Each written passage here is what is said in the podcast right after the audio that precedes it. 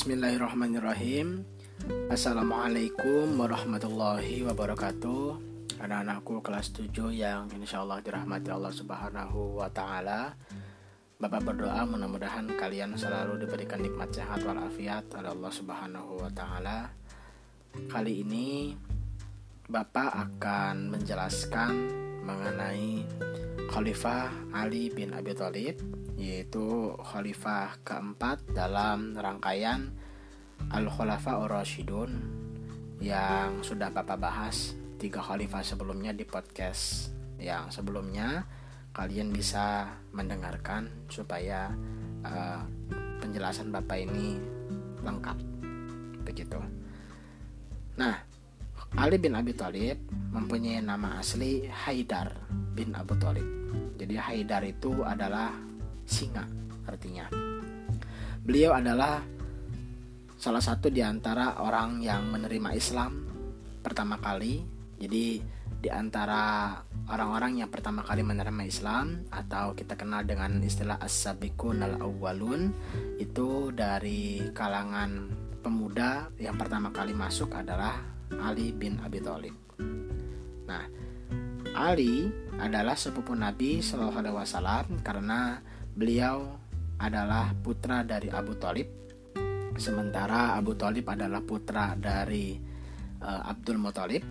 Ya, sementara Nabi Muhammad itu adalah putra dari Abdullah. Abdullah adalah putra dari Abdul Muthalib. Jadi uh, antara Nabi Muhammad SAW dengan Ali bin Abi Thalib ini masih hubungan sepupu dan kelak akan menjadi menantunya setelah menikah dengan putri Nabi Muhammad yaitu Fatimah. Ali dilahirkan dari pasangan Fatimah binti Asad dan Abu Thalib. Jadi nama ibunya adalah Fatimah, istrinya juga nanti namanya Fatimah juga. Kelahiran Ali banyak memberikan hiburan bagi Nabi Muhammad SAW karena beliau tidak memiliki anak laki-laki yang hidup sampai dewasa. Jadi seluruh anak laki-laki Nabi itu wafat ketika masih kecil. Ali ini sepupu Nabi yang kemudian dirawat oleh Nabi SAW, diangkat menjadi anak dan kemudian diasuh. Hal ini sekaligus untuk membalas jasa Abu Talib yang telah mengasuh Nabi sejak beliau kecil hingga dewasa. Dengan demikian, sejak kecil Ali sudah bersama dengan Nabi Muhammad SAW. Pada usia remaja setelah wahyu turun, Ali banyak belajar langsung dari Rasulullah. Beliau selalu dekat Nabi karena menjadi anak angkatnya dan berlanjut menjadi menantunya. Dedikan langsung Nabi kepada Ali dalam semua aspek ilmu Islam menggemblengnya menjadi seorang pemuda yang sangat cerdas, berani, dan sabar. Setelah hijrah dan tinggal di Madinah, Ali dinahkakan Nabi dengan putri kesayangannya Fatimah Az-Zahra. Nabi menimbang Ali paling paling tepat dalam banyak hal seperti nasab keluarga yang serumpun yaitu sama-sama dari keluarga Bani Hashim dan yang paling dulu mempercayai kenabian Nabi Muhammad setelah istri Nabi yaitu Khadijah. Ali bin Abi Thalib adalah salah seorang uh, sahabat Nabi yang sangat cerdas menjadi sahabat Nabi dari, dari uh, kalangan ilmuwan. Rasulullah mengatakan, Ana madinatul ilmi wa ali yubabuha. Aku adalah kota ilmu dan Ali adalah pintu gerbangnya. Jadi maksudnya adalah kalau kita mau menuju ke kota ilmu, ya kita harus lewat gerbangnya dulu gitu loh. Jadi kalau kita mau melihat bagaimana cerdasnya Rasulullah, maka kita lihat bagaimana cerdasnya Ali bin Abi Thalib. Ada sebuah kisah yang menarik mengenai kecerdasan Sayyidina Ali bin Abi Thalib.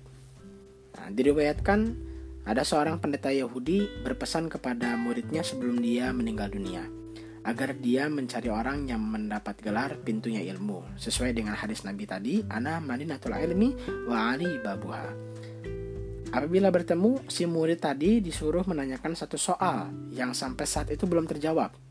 Soal apakah yang bakal ditanyakan kepada sang pintu kota ilmu tersebut?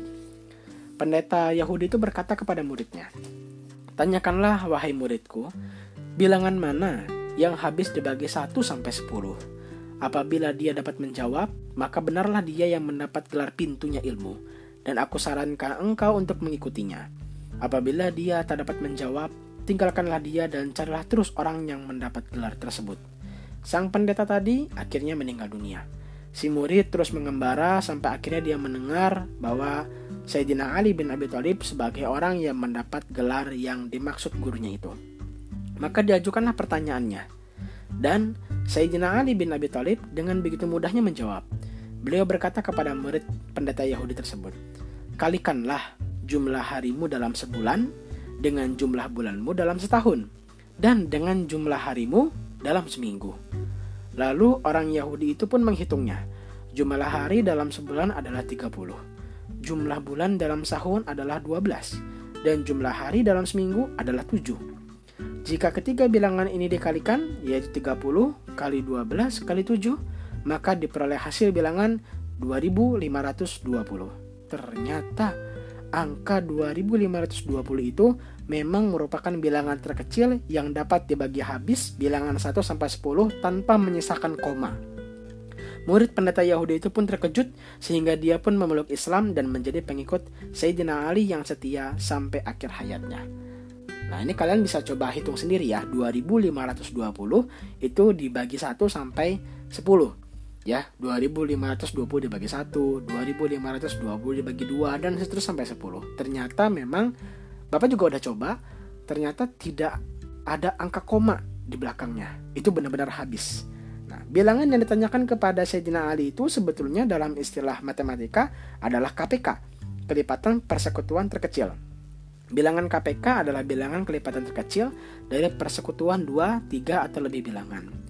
Misalnya KPK dari 4 dan 6 adalah 12.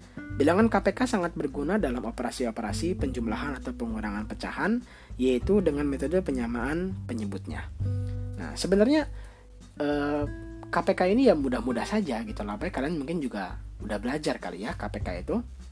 Tapi yang menarik adalah Sayyidina Ali ini nggak menggunakan bahasa yang biasa-biasa aja gitu loh. Coba kamu bikin pohon faktor gini-gini segala macam. Enggak. Tapi Sayyidina Ali bin Abi Thalib itu menggunakan bahasa yang sederhana dan langsung menjawab. Coba dikalikan antara uh, jumlah hari dalam sebulan, jumlah bulan dalam setahun, dan jumlah hari dalam seminggu. Jadi pengetahuan Sayyidina Ali bin Abi Thalib ini connected satu dengan yang lain, saling uh, nyambung begitu antara matematika dengan tiba-tiba ada jumlah hari, kemudian seminggu, sebulan, ya setahun itu uh, sebuah uh, kenyataan bahwa Sayyidina Ali bin Abi Thalib ini sangatlah cerdas. Jadi apa sih yang bisa kita ambil dari uh, kisah Ali bin Abi Thalib? Kecerdasan, ya. Jadi kalau kita bisa mengambil kejujuran dari Sayyidina Abu Bakar As-Siddiq, kita bisa mengambil uh, pelajaran dari Al Faruqnya Sayyidina Umar bin Khattab, kemudian kita bisa mengambil kedermawanan dari Utsman bin Affan. Nah, sekarang kita ambil kecerdasan dari Ali bin Abi Thalib. Nah, jadi ini menjadi motivasi buat kita untuk terus-menerus belajar bagaimana cara kita supaya bisa secerdas Sayyidina Ali bin Abi Thalib. Nah, maka dari itu uh, sudah selesailah materi Bapak mengenai Khulafaur Rasyidun yaitu Sayyidina Abu Bakar, Sayyidina Umar, Sayyidina Utsman dan Sayyidina Ali. Bapak harap kalian bisa mempelajari apa sih keistimewaan dari empat khalifah itu. Nah, eh, Bapak rangkum sedikit ya. Jadi Sayyidina Abu Bakar As-Siddiq itu bersifat tegas terhadap orang yang mengaku nabi, tidak mau membayar zakat dan orang-orang yang murtad. Sayyidina Umar bin Khattab bersikap memberani karena melakukan perluasan wilayah Islam. Sayyidina Utsman bin Affan bersikap dermawan, banyak membantu perjuangan Islam, dan Sayyidina Ali bin Abi Thalib bersifat cerdas. Ilmunya yang tinggi dapat menyelesaikan berbagai permasalahan yang muncul. Nah, Bapak harap kalian dapat uh, mempelajari sifat-sifat yang baik dari Khulafaur Rasyidin tadi dan kalian bisa mempraktekkan itu dalam kehidupan sehari-hari. Baik, terima kasih. Mohon maaf bila ada kekurangan kesalahan. Wallahul muwafiq ila Assalamualaikum warahmatullahi wabarakatuh.